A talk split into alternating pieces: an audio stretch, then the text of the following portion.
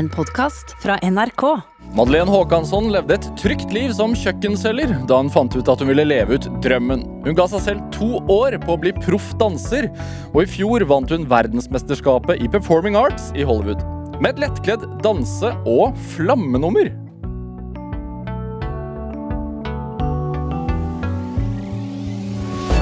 Dette er Drivkraft med Vegard Larsen i NRK P2. Madeleine Håkansson, varmt velkommen til Drivkraft. Tusen takk. Tusen takk. Hvordan har du det? Ja, det er veldig, veldig ålreit. Bra. Er du ofte i et radiostudio? Eh, nei, det er jeg ikke. Jeg har vært på radio gjennom telefon, men eh, ikke i studio.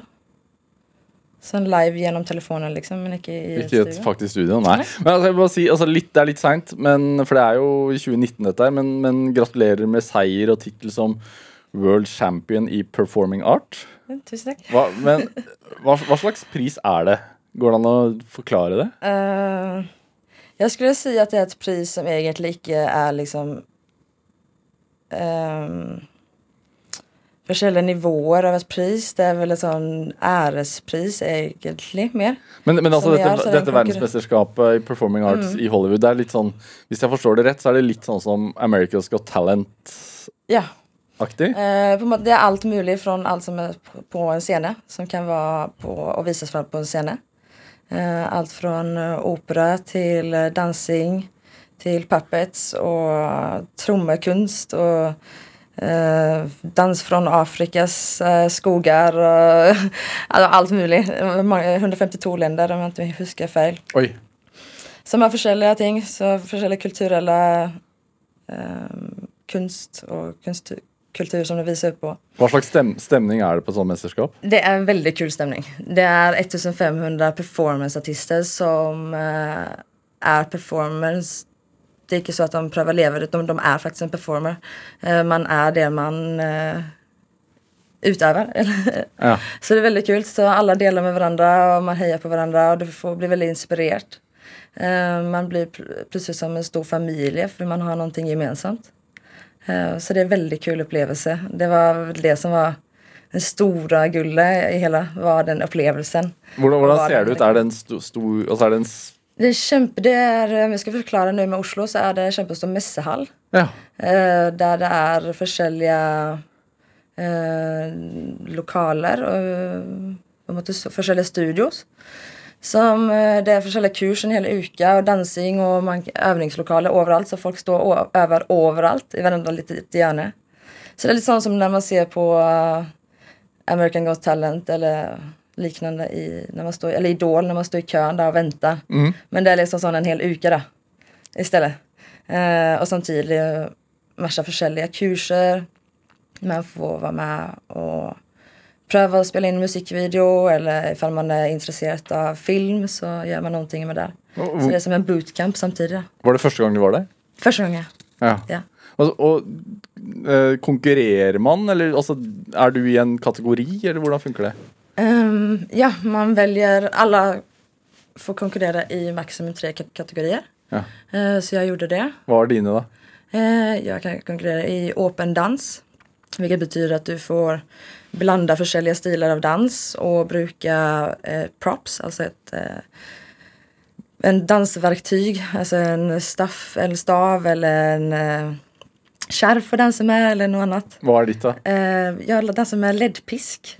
Med en? Ledpisk. Altså en, en En piska, det är en piska kan man säga. Det ser ut som, det ser ut som eh, slangar, det är glassfiber på en eh, Altså en pisk med lys lys. Ja. hele veien? Och så dansar jag med den. I mørket, da, antar jeg. Ja, det blir mörkt undervis under showen där. Ja. Så dansar jag med den runt kroppen och till musiken då. Så jag kan säga att jag, å si att jag maler musiken. Med pisken? Ja. Ja. Så, ja. Ta med, man får en dypere resa inn i musikken sin eh, värld. Og hvilke var de andre kategoriene? en ild. Ild med to props og ild med ett prop. Ja. Så då, den ena alltså brukte en, ett reds ildredskap og den andre brukte jeg to red- ildredskap under samme eh, tid. Hva snakker vi om da? 60 Ildredskap? sekunder snakker vi om da. Nei, men ildredskapene, hva er det for noe? Ah, ok. Eh, det er eh, Det ene kalles Dragon Staff. Det är, eh, för att förklara det som en som icke vet det helt vad det är, ja. ja, så är det en, ett kostskaft. Eh, stangen liksom. Och sen ute på sidorna är det fyra spikes. Och på dem längst ut så är det kevlar. Och det kevlaret doppar du i tändvätska och så bränner det på sidorna så rullar du den här på kroppen. Och så runt kroppen, liksom material arts inspirerat.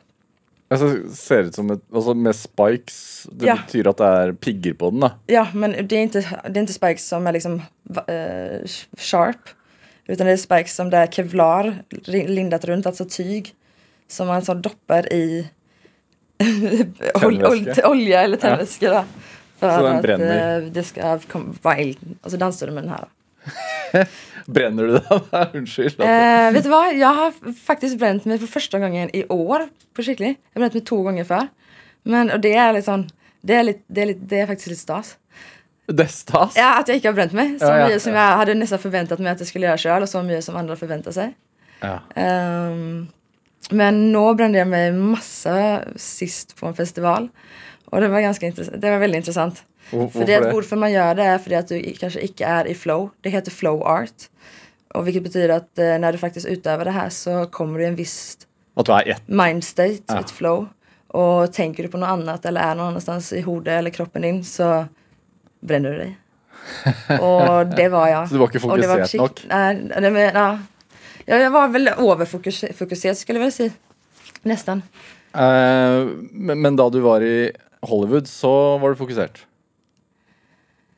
Eh, Jag var väldigt fokuserad och dedikerad. Ja. Det skedde väldigt mycket på vägen som gjorde att jag miste fokus. Inte miste, jag, men nej, jag miste nog aldrig mitt fokus egentligen.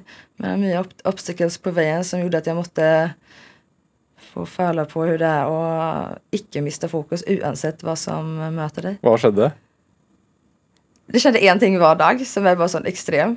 Så det är, det är nästan, det har, det är liksom, jag har nästan totalt till någon vad det är som skedde för det är nästan så att jag inte tror på det som skedde själv. Ok, nå ble jeg veldig Eh, ikke nysgjerrig. man kan inte säga så, det där är det värsta du kan säga idag liksom. Um, nej, det första som sker efter fyra timmar det är att eh, vår bil, vi är inne i ett studio, ett musikstudio, jag ska bara hälsa på några vänner i LA för jag har en väninna som bor där nere. Så vi är bara inne och hälsar på musikstudion, kommer vi ut därifrån då är bilen vår borta.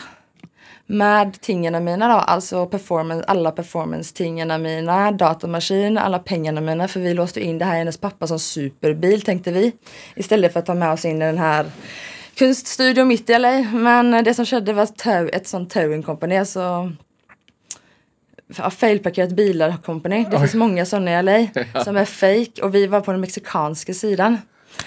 Så jag fick uppleva direkt det, mitt i mexikanska sidan i downtown LA eh, att vi blev eh, tow- Ja, men det de gör är att de ranar bilen. För de har en ting som du kan öppna nya bilar med, eller bilarna med. Så vi, jag blev ranad på det som var huvudsak eh, sakerna mina, alltså kosty, alla kostymerna mina, eh, harddisken med all materialet, datamaskinen min, alla USB-stickor med musiken. Eh, och eh, eh, alla pengarna mina som jag hade i kontanter med mig ner som jag hade växlat in i dollar. Og dette var før du skulle opptre? Det här var fyra timmar efter jag landat i LA. Oi, oi. Så det litt sånn hvis Så det är sån begynte min resa i LA. Och så, så är det liksom där, det, hvis det är starten så är det det fortsatte liksom. Ja. Så det, kvällen innan OL, klockan åtta på kvällen, så plötsligt så knäcker det en skruve i min eh, Dragon Staff då, som är huvudredskap jag ska bruka. Just I den flammestaven? Ja, Ja. plötsligt. Någon, den bara, det knäcker. Och det gör att den sätter sig fast inne i och det går icke att få den ut. Eh, jag löper runt i hela LA runt omkring nere på Long Beach och letar febrilt efter någonstans en lösning. Jag må få den här upp. Ja. Men jag har ju inga verktyg eller någonting och ingen som kan fixa det så jag tänkte bilverkstad då. Jag måste finna ett bilverkstad. Så jag löpte till närmaste bilverkstad och bara kom in där, prövade få hjälp, prövade få hjälp och prövade få hjälp. Och det, till slut så var det en man som bara kom in här. Ja, han prövade hjälpa mig men det funkar inte det heller. Så på morgonen måste jag stå upp klockan syv, jag skulle ha show klockan nio. På morgenen? Jag skulle ha show klockan nio på morgonen. Klockan syv stod jag upp med en väninna och åkte 40 minuter därifrån Long Beach till en plats där vi visste de sålde sådana här ting. Som hon visste om. Ja. Och när jag kom dit så sprutade jag och förtalte min historia och visade vem jag var. Så sprutade de visste jag ville bli sponsrad av dem. Så jag fick helt nya redskap till att tävla med i OL. Oi. Ja. Hva, hva skjedde med pulsen og sank den? Altså, Eh, det var helt otroligt. Samtidigt som det är väldigt vanskligt. Plötsligt du säger att du har ett par ski då, och så har du övat med dem i ett år. Att du ska åka det loppet med de skina. Och så en halvtimme för så får du en helt ny ski då. Så det är lite som panik men samtidigt väldigt glad att jag får genomföra det och jag har som tur är det väldigt sån jag är väldigt multi, jag är väldigt öppen för att pröva olika ting. då. Så jag har prövat väldigt många olika störelser på de här redskapen för. Så, men det gick kämpebra. ja. Det gjorde det. Men hvordan er det? Altså, og da opptrår du klokka ni om morgenen. Og, og, jeg, Det var inte meningen. Det är därför det är den här, det här var, det, og jeg, har sett, jeg har sett bilder av Altså, jeg har ikke sett video av det, men jeg har bare sett bilder av det, og det ser jo ut som et show som egentlig hører kvelden til. det skulle vara på kvällen för Ja. Eller nej, kvällen, den kvällen, men de flyttade klockan nio på morgonen. Eh, hela den grejen är helt absurd. Jag blev satt på en parkeringsplats. De hade inte sökt om illtillstånd. Så jag och den som gjorde ild, vi stod plötsligt och hade övd och tränat in och gjort, värmt upp i nästan 30-40 minuter. Och så skulle vi vänta lite till, vänta lite till. Sju timmar höll vi på så. Tills de bara, nej men vi, vi må flytta det tills imorgon på morgonen. Så det var helt absurt då, spinna ild på mitt på dagen i stekande sol i, på Long Beach på en parkering i halvnaken i vind. Det är nog av det... Där måste jag hålla masken för att inte var sinnas. Där det var övelse för tålmodighet i att icke vara sinna eller få ett skickligt... Ja, Men det gikk bra, da? det, det gick bra. Jag själv eh, vet att jag kan göra mycket bättre än det jag gjorde där. Selv om dem syntes det jag gjorde var väldigt kul och hur jag... Ja, hur catchy jag var på scenen. Men, men hvordan bestemmer du deg for å begynne å danse med en stav mm, som brenner? Ehm, det har väl varit synd att resa dit, till Ilden och till att dansa med Ild. Men eh, Hva skjer med ilden? Altså, hvorfor er det et godt ehm, det var en väninna som drog med mig. Jag har sett det mycket i parken men hur höll på med det och hur visste att jag skulle lika det. För att det är på något den samma rörelse som jag brukar när jag dansar. Hon har observerat och så var det ett kul gäng och sen är det medita- meditation, men väldigt meditativt så får ju ut väldigt mycket av det. Och direkte mestringsfølelse när du klarar någonting. Och... Fordi at det er farlig Så du må Nej, fokusere för det, så hardt? nej, ja, nej, utan ild då. Ja. Absolut utan ild. För det du, du gör runt omkring det är att du um, på något sätt tegnar olika energibanor som vi har runt omkring oss. Eh, cirklar och olika geometrier. Ja, Som du tegner med ilden? Ja. Så det blir Så igjen? visst, och visst du gör fel då Ja. så kommer du out of uh, ban bana. Hva, hva, out of bana, out of bana. men hva håper du at Sånn som med, med nummeret ditt i LA, da, som, som du vant med også, hva, hva er det du tenker eller håper at publikum skal få ut av det? Ehm, jag, syns, ja, att jag har inte så mycket förhoppningar egentligen. Jag syns det är väldigt spännande att se vad det är jag kan ge till publikum när jag gör någonting. För jag har upplevt att jag får väldigt mycket olika tillbakamälningar. Men det starkaste alltså och det bästa som jag ger när jag står på scenen är att folk har lust att göra och driva med sin ting. För det säger att jag älskar det jag gör och jag uttrycker det väldigt starkt när jag är på scenen. Jag står inte på scenen och gör någonting jag inte vill 100%. Eller som är min grej. Och jag tror att det syns väldigt mycket och det jag gör att det inspirerar folk att göra sin grej. Ehm, och det är en drivkraft som gör att jag står på scenen och vill visa det för folk och hoppas att det kan vara en inspiration jag gör. Dette er Drivkraft med Vegard Larsen i NRK P2. Det var Og i dag er eh, danser Madeleine Håkansson her hos meg i Drivkraft på P2. Eh, vi, vi snakket om eh, opptredenen din i, i, i Los Angeles som gjorde at du vant World Championship i, i Performing Art eh, i 2019. Men altså, eh, du gjør ikke dette her. Altså, du danser pole dance, du danser burlesk dans. Mm. Eh, og eh, du eh, stripper. Mm. Eh, hva er morsomst av de tre? Det är ingen jämförelse. Nei. Dans. Dans. eh, bare, bare sånn, altså For de som ikke har vært på en, en strippeklubb, det er, men det er, et- det er noe alle har et forhold til, selv om man ikke har vært der. Ja. Hvordan Hvordan er en helt vanlig dag på jobben på en strippeklubb? For ja, for en helt vanlig kveld blir det. Ja, Når begynner kvelden? Min kväll begynner väl hemma.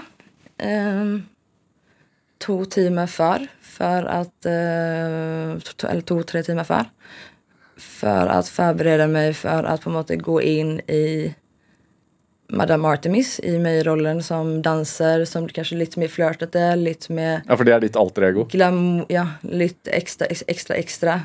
Eh, ännu mer glamour. Eh, lite mer diva. Ehm, Så du går inn i rollen allerede hjemme? Ja, ja, det är lite sån jag är, men där går jag in i det ännu hårdare och sminkar mig och fixar mig hemma och sätter på musik och dansar och på något sätt kommer in i moodet mitt då.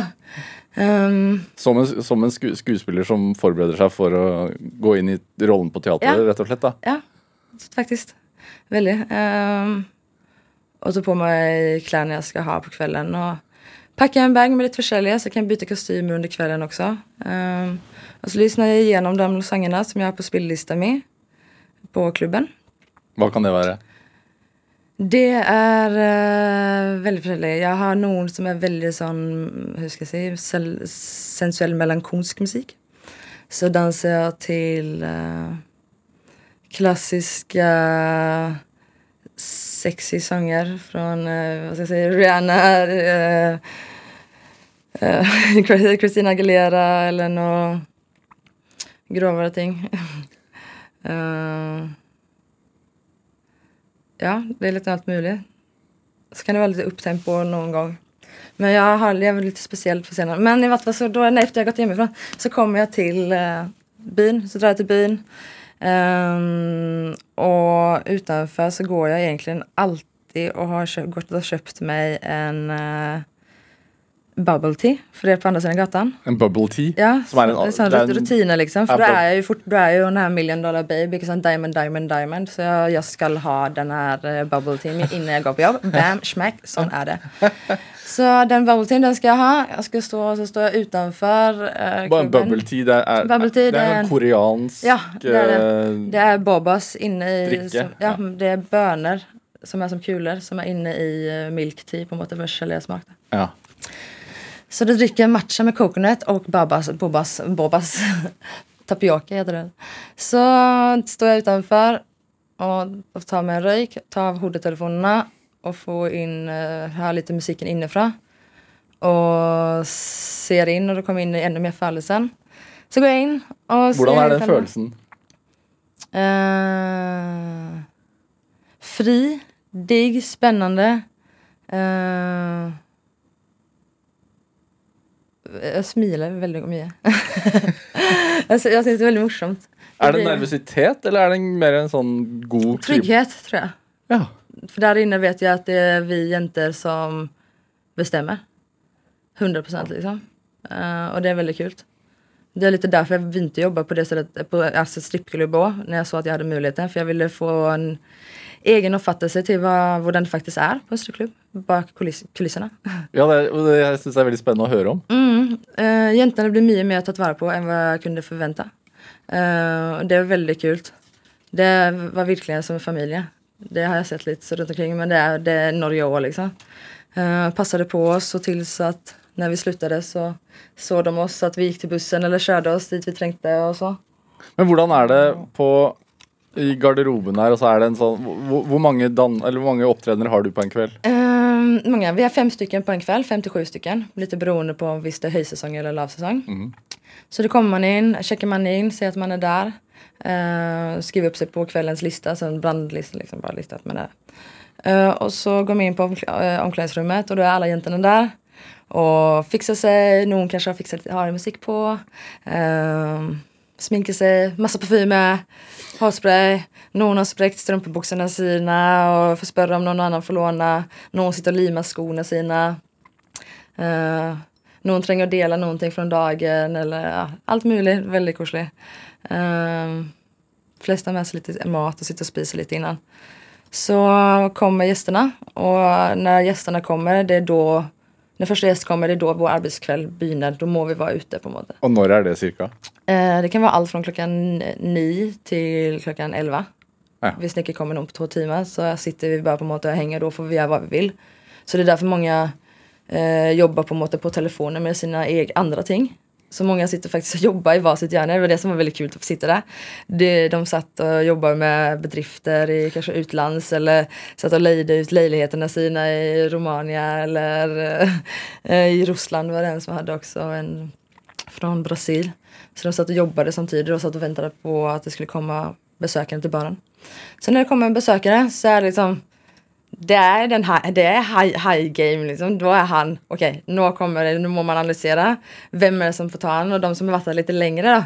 Det är dem som på måte har första tjing då. För det, det, For første sking, första tjing på att hva, hva betyr Jo, för när den här kunden, han, när han, hvis han bestiller, kommer in och icke bestiller drikke och bara kommer och sätter sig, så betyder det att du icke får gå fram till han. Hvis du icke flö- se att du har øyekontrakt och han invit- inviterar dig. Hvis han köper dricka så betyder det att eh, den som går upp och går fram och då får du gå fram och prata med han. För det är många som kommer dit och bara vill sitta för sig själv. Och det ska man respektera att de bara vill sitta och se på. För det är en scen och där är det hela tiden en liveshow. Så när kund, första kunden kommer in så är det en dam som går upp på scenen och gör sitt, sin show. Som hon bestämmer själv musiken till och hon bestämmer själv hur hon vill dansa. Ehm, men då får man, eh, då sätter sig kunden runt omkring och ser på den här öppna showen. Och där har alla jäntorna show efter varandra. Man har en sån lista på datamaskinen.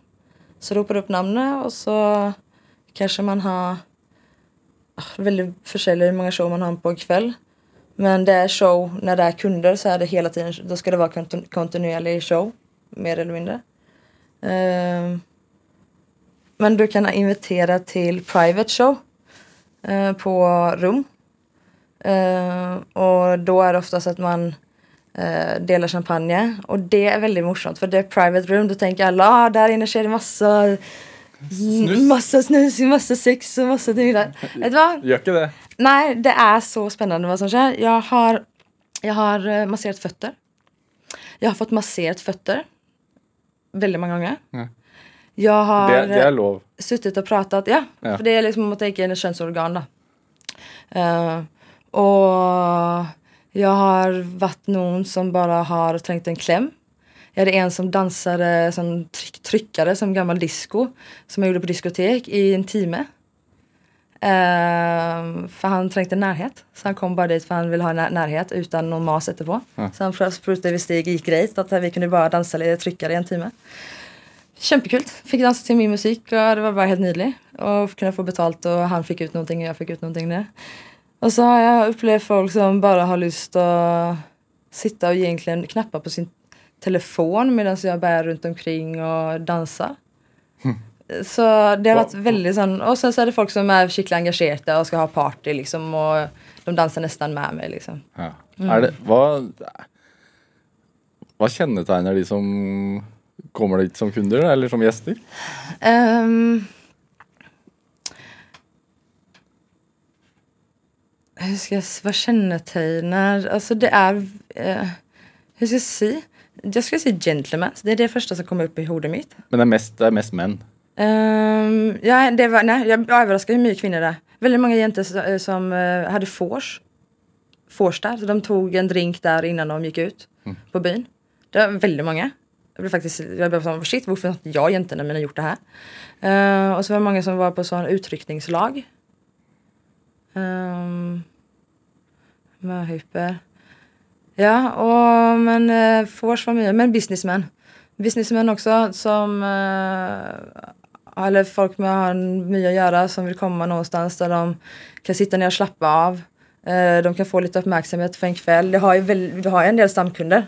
Fantastiska stamkunder som kommer in och bara har lust att få Eh, har några kämpehyggliga damer runt omkring sig som dem, där de, dem bara får vara i attention utan att få någon mas före ett eller runt omkring bara under tiden de är där.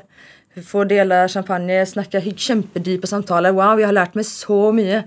Jag har fått så mycket folk som jag har mött som som synligtvis kanske aldrig hade mött och haft samtal med. Men vad tänker du om också när man säger att eh, strippeklubbar är, är, är kvinnoförnedrande och att det sexualiserar kvinnokroppen och att det Det är någonting som jag tror undertrycker kvinnor för exempel? Vad tänker du om det? uh, var kvinna ska få välja så länge inte den är tvingad till någonting. Så kvinnor är ju sexuella dyr då. Eller vi är ju det allihopa. Men vi är ju väldigt sensuella. Så det är på en måte att vi har blivit tatt ifra och blivit skammat över att vi är sensuella och sexuella och flörtete och att eh, gutta blir gira och vill löpa efter. Det är, liksom, det, det, är så, det är sån det är på en måte. Det är någonting vi liksom har blivit tatt ifrån. tatt ifra. Och det är lite intressant för det är ju en del som kan sitta och säga att de är icke stöttade tills de ser det och tills de får upplevelse från det och då bara sån oj men det var inte så farligt som jag trodde det skulle vara eller det var inte det. Ja. Hvordan är ditt nummer då? Har du ett eh, fast nummer eller har du flera? Ehm, jag har flera forskjellige. For jeg likte å bruke klubben på String som en eh, på en måte övningsplats och utforskningsplats för forskjellig musikk og forskjellige stiler i meg. Og forskjellige kostymer og rørelsemåte. Ja. Men går det, an å ta, går det an å beskrive et nummer, eller er det vanskelig med ord? Det kan jag nog göra. Kan jag gå? Går det? Går det att jag kan gå på do? Och som beskriver etterpå, är det möjligt? Vi kan, vi kan høre litt musikk. Ja. Vet vi har med en, en låt eh, 'Ain't No Sunshine' av Michael Jackson. Ja. Hvorfor det? Ehm, det är... eh, eh, Michael Jackson Jr är lite annorlunda. Det är den låten som jag dansade till i uh, Jakobskyrkan när jag gjorde, när jag hade show där. eh, Som heter SLX uh, Kunst och kulturnatt. Så dansade jag till den låten och det är lite sån den låten också jag tävlade med i OL. Ja. När jag dansade dansenumret mitt. ja. Så den har jag både haft show med och det är den som jag tävlar med och den som jag... du sier OL, så mener du OL? World OL i i, i, ja. La, oss, la oss høre den, da, så, så skal vi se oss for deg med, med sånn flammestav.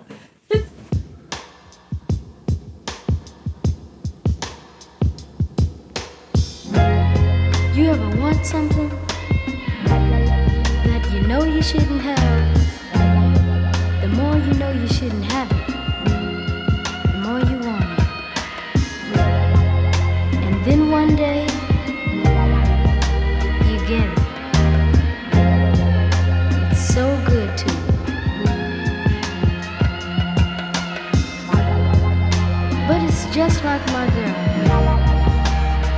she's around me, I just feel so.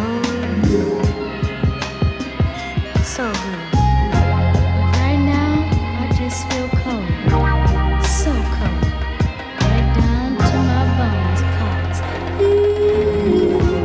ain't no sunshine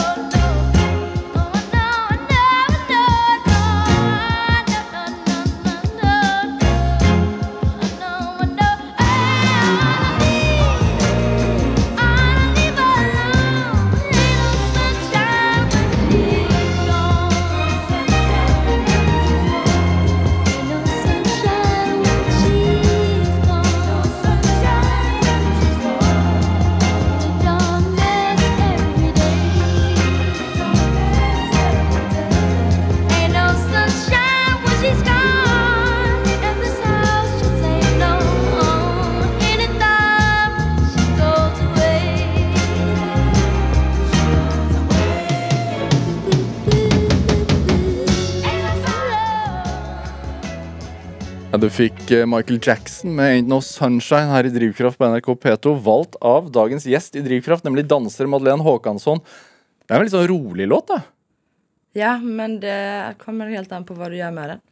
For den kan være veldig rask òg. Ja. Ja, jeg liker veldig godt å leke med de forskjellige rytmene og taktene når jeg gjør show. Det er litt av en sånn signaturgreie for meg. ja. At jeg får inn forskjellige ta- rytmer. Vi, vi snakket om det at du uh, vant uh, VM i performing, performing Arts i Hollywood, og at du, at du også uh, stripper på uh, annet en strippeklubb i Oslo. Men er det hva, altså, hvordan, hva foregår oppi hodet ditt når du danser på scenen på strippeklubben? Er du i hodet ditt, eller ser du publikum? Eh, både og. På, det, ve- det er veldig forskjellig på hva jeg vil gjøre for forskjellige show. Jeg liker å spille litt med det da, under showen. Hvis jeg har øyekontakt med publikum, eller hvis jeg ikke har det. Eh, publikum føler at de ja, Det er forskjellige reaksjoner. Hvis- for- Forskjellige måter jeg har øyekontakt, eller hvis jeg flørter, eller hvis jeg står og danser for meg sjøl. Hvor mye man t- kanskje tør se, hvordan man tør se. Eh, jeg ser publikum mer enn hva de tror at jeg ser dem. Hva Veldig ser du da? ofte. Ehm, folk som vil bli sett. Tror du? Av dem ser jeg. Ja. Ja. Eller folk som kanskje har en eh, tanke. Jeg ser at de kanskje tenker eller refererer. Det er noe som skjer i er noe som skjer i hodet deres. Den kanskje jeg ser på. Kanskje den blikken jeg gir dem akkurat der, bekrefter noen tanker de har som gjør at det forandrer seg til det. Er er det en sånn, altså, Hva vil du si om maktbalansen på en sånn klubb mellom menn og kvinner? Oj, utrolig mye respekt. Jeg vil ikke gå ut på en vanlig bar, for du får så mye respekt. liksom. Ehm, så det er absolutt damene som velger. Mennene som har pengene, men damene som velger syvende og sist. Eh, det var många som blev näkta. För att vara där inne visste de eh, altså, ikke respekt. Oavsett hur mycket de betalade egentligen. Och det, blev väldigt, det var en väldigt kul upplevelse. Sällan om de, de här jentene som kommer från fattigare länder, Sällan om de kunde bli erbjudit eh, höja summor och pengar. inne på de här smårummen, så sticker de ut handen direkt och tillkallar vakten och kastar ut med folkene. Mm. Eh, og det var bare sånn wow, ok.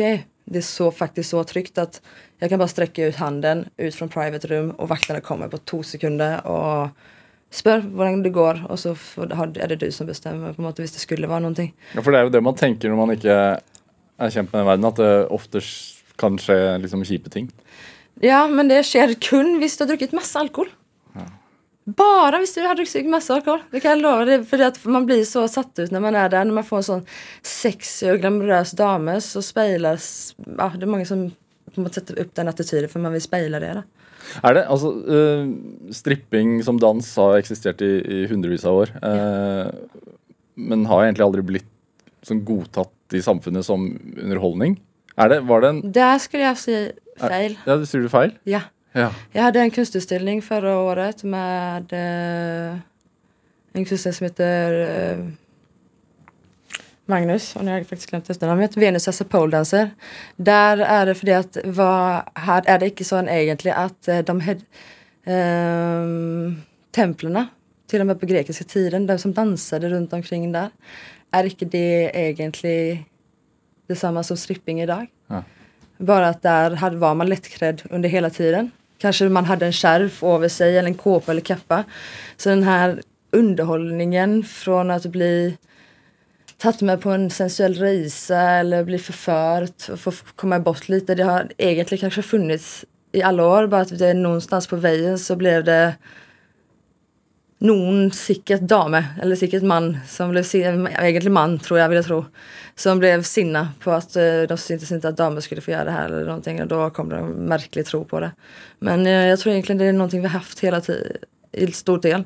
Du ser, många har ju statyer hemma, som är nakna statyer. Det är helt vanligt att ha hemma, egentlig.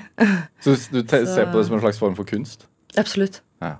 Absolutt. Er det eh, frigjørende på noe vis? Det är eh, väldigt frigörande. Eh, det är väldigt frigörande. Också för det att du, det är du som gör jag som 100% bestämmer på scenen. Det är min plats, 100%.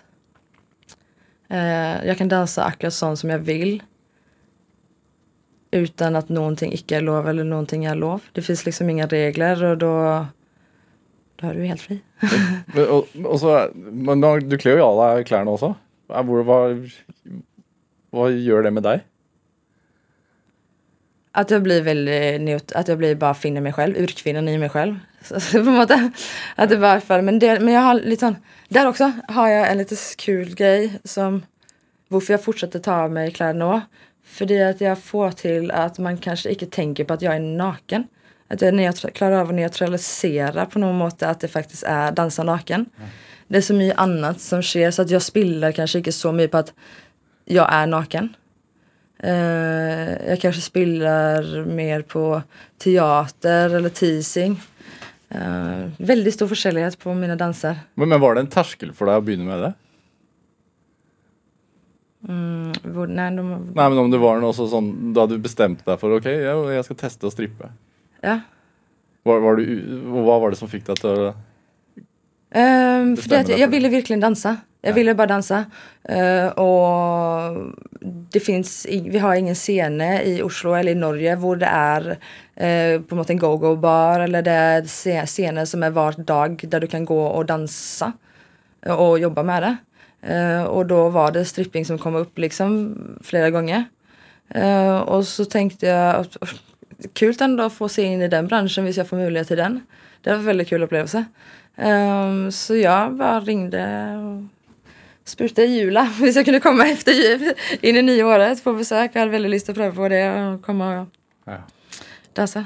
Er det altså eh, Det er jo i ytterkanten av hva du holder på med. For det, for det meste så er det jo burleskshow og, og disse Ja. flammeshowene. Men, det, eh, men du har ikke holdt på med dette så lenge. Det er ikke så mange år Nei. siden som du eh, hva skal man si, hadde 9-4-jobb på Elkjøp og solgte kjøkken. Köken är vitvaror.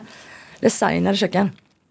Ehm, ja, nej det är uh, Hva var det som skjedde som gjorde at du tenkte at, at nå skal jeg ikke selge mer kjøkken och vitvaror? Um, ehm, jag har haft folk uh, runt omkring mig, bästa vän runt omkring mig som uh, har inspirerat mig väldigt gott till att gå sin egna väg och inte jobba för någon annan.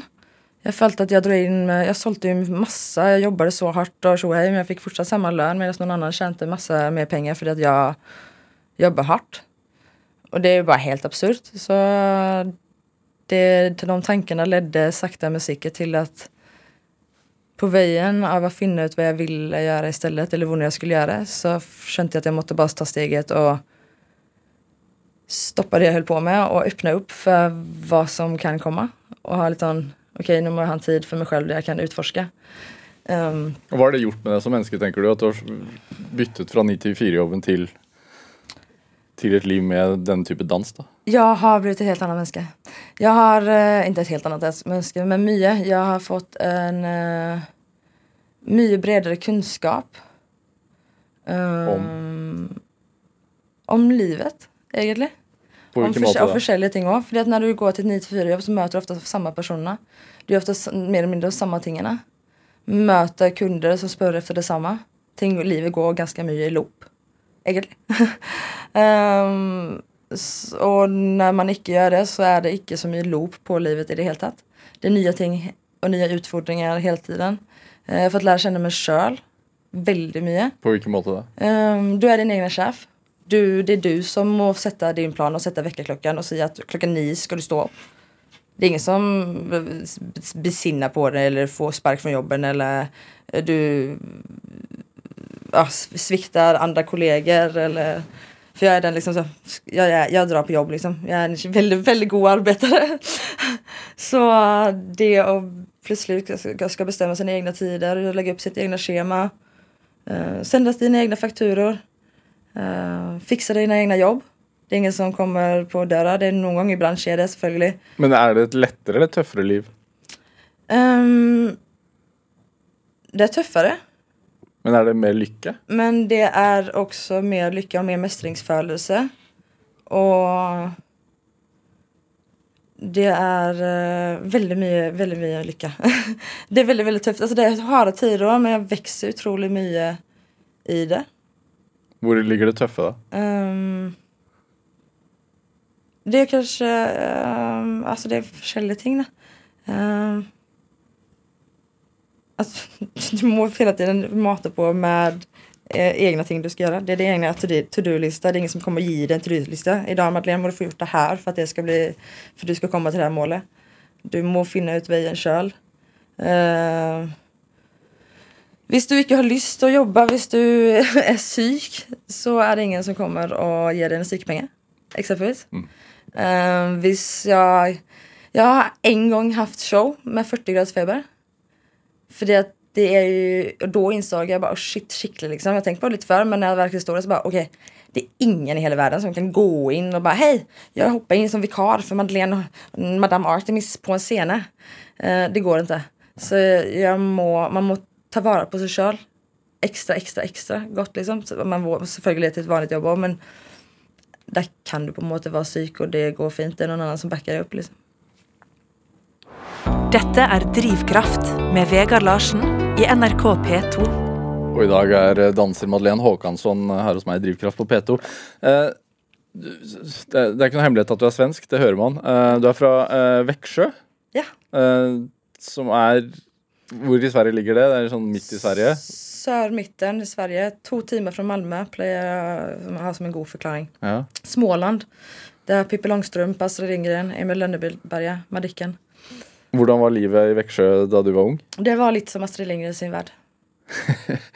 Eh, veldig. Ja. Ja. Bon bondegårder? Uh, naboen min hadde bondegård. Vi hadde hus vid sjøen som begynte med en Var du Madikken, Emil eller Pippi? Jeg er Madikken, Emil, Pippi, Ronja og Lotta i blanding. Yes. Det er det. Hvordan er det å være de?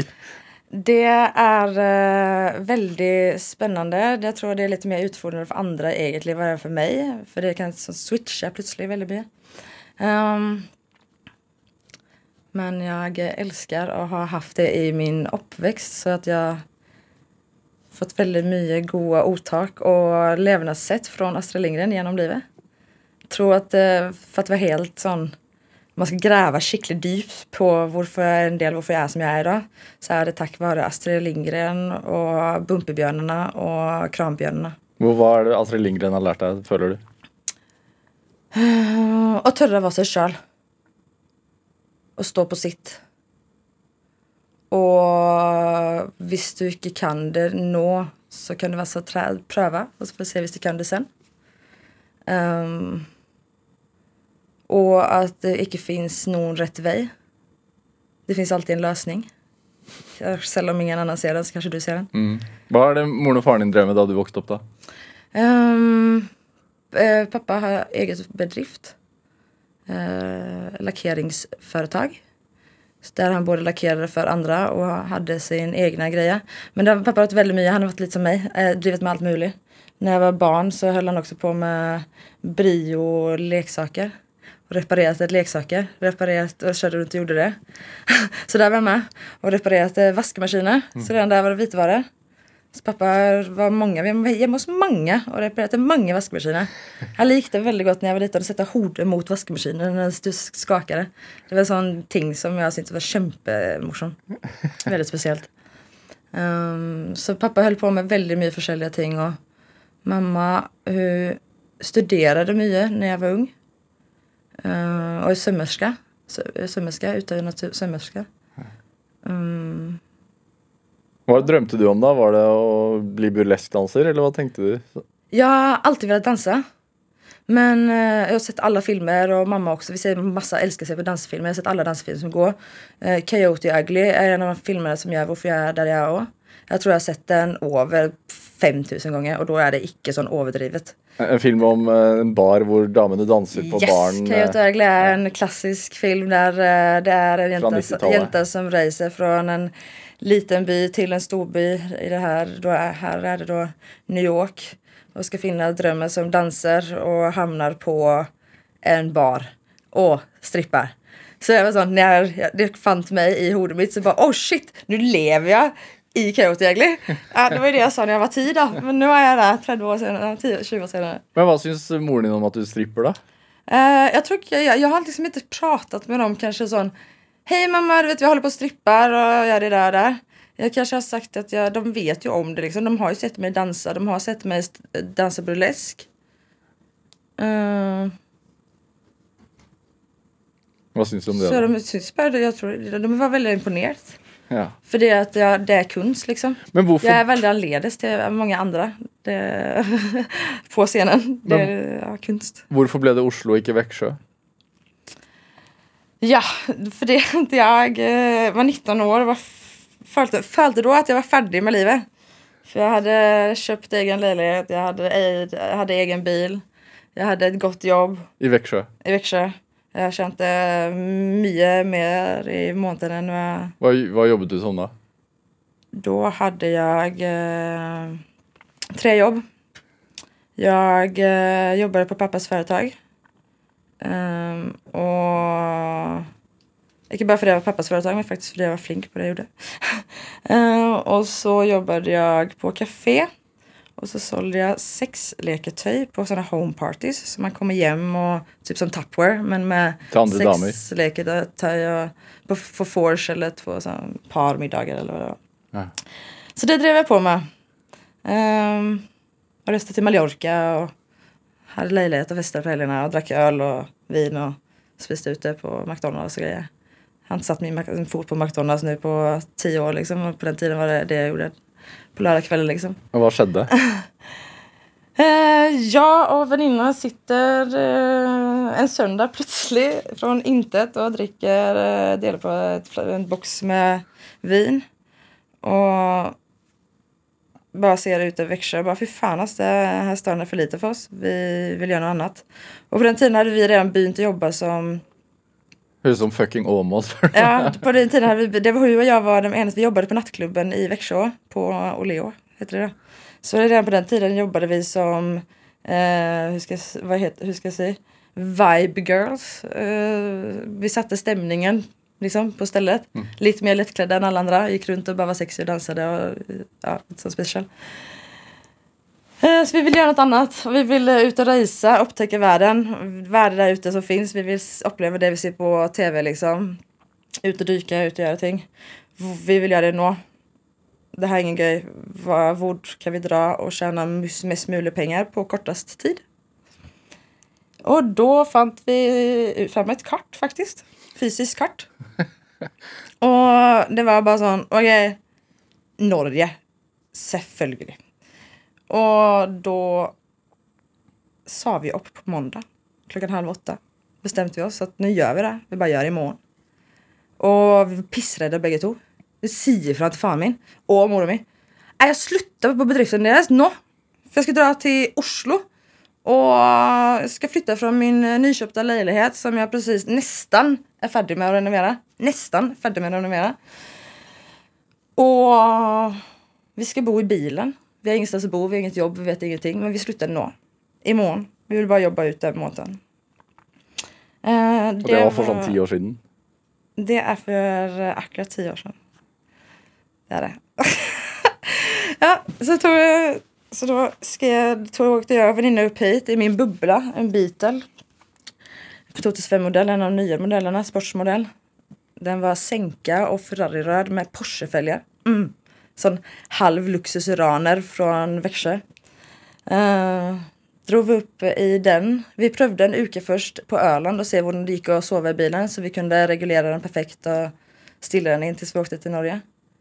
Och så bodde vi i biten i en uke. Här uppe. Och så åkte vi ner till Växjö och kom på att vi må byta bil. Så lånade vi mamma sin V70. Och ska jag skrev ett kontrakt, det är så morsomt, jag har sparat det kontraktet, ett kontrakt till mamma. Eh, jag, Madeleine och Sara önskar att vi ska öja- le- tränga leja din bil i två veckor, för vi ska bo i den.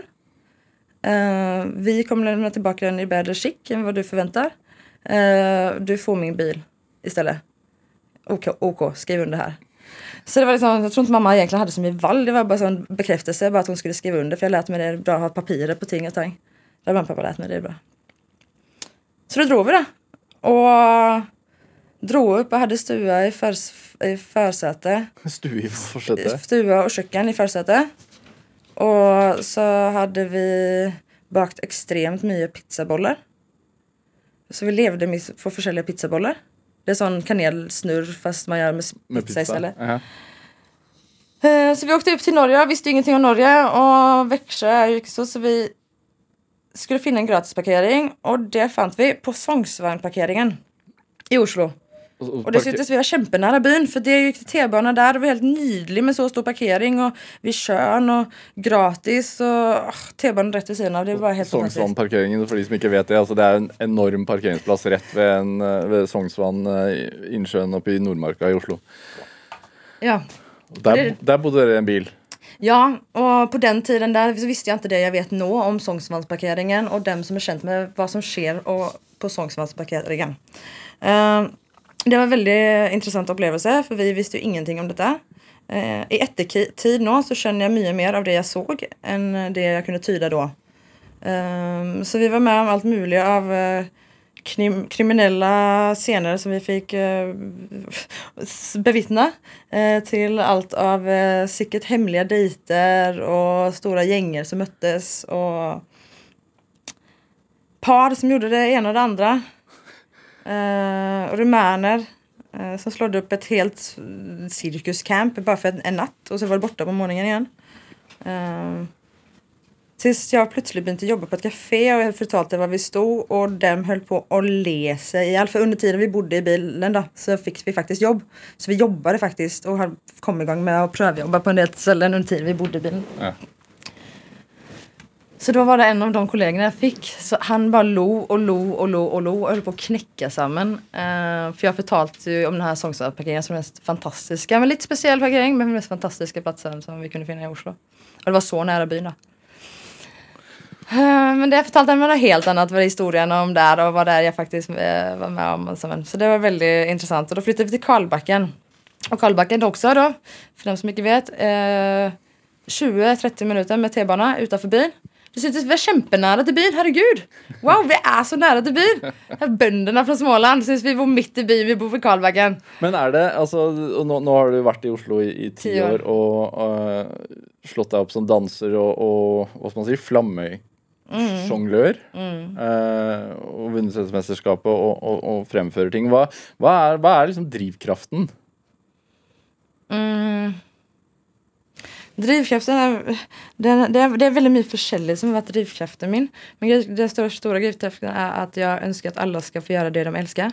Och jag eh, vill göra det jag älskar och kunna tjäna mina egna pengar eller försörja mig själv. Men er det en drivkraft for deg også å bli sett? Altså eks Eh, ekshibisjonismen oppi Den? Ikke bli sett faktiskt egentligen. Men jag, det, har, det är någonting som jag faktiskt egentligen sliter med.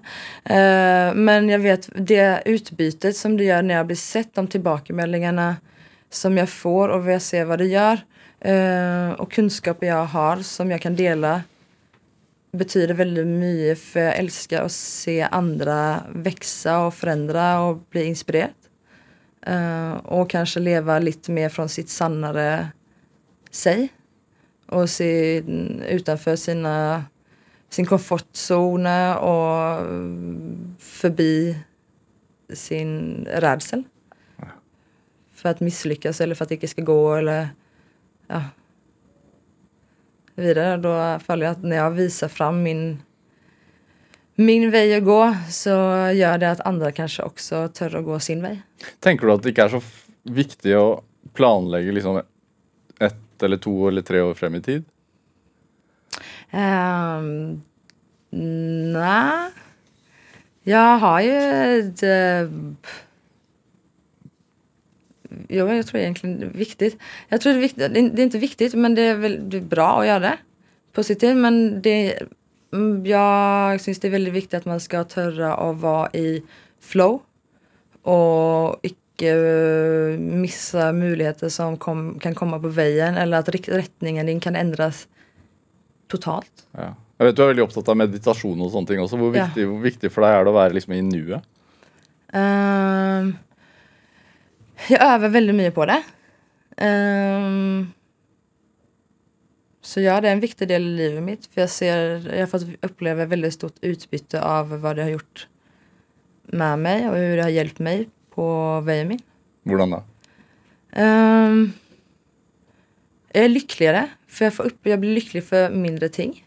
Små ting, eh, jag har alltid varit lycklig för små ting men ännu mer, blir, är mer observant. Ehm, bara det kanske att spisa middagen. Smakar du faktiskt alla smakerna som du har på tallriken? Eller spiser du bara? Kommer det in i munnen, du får lite smak och så går det ner i magen? Eller för du faktiskt i den här köttdejen så var det lök, det var en gulrot.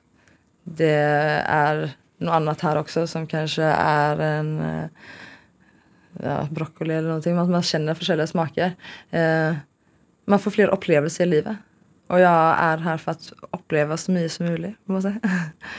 ja, det som livet har ger. Och då att leva i nuet och in the moment gör att jag får uppleva mer Ja. av vad livet har ger och den här resan. Er det en slags drivkraft å få oppleve mest mulig som livet har å by på?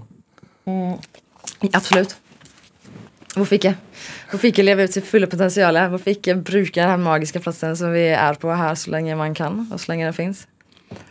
Det syns jeg absolutt er Ja, jeg syns alle burde få et sånt år av starten, eller av, ja, av sitt land, liksom. De er född her, vær så god, her er penger, lev et år, reise rundt i verden. Mm. Explore everything. Du er fri, liksom. Ja. Så får, Det får være siste ord her i dag. Eh, Madeleine Håkansson, tusen takk for at du kom hit til Drivkraft.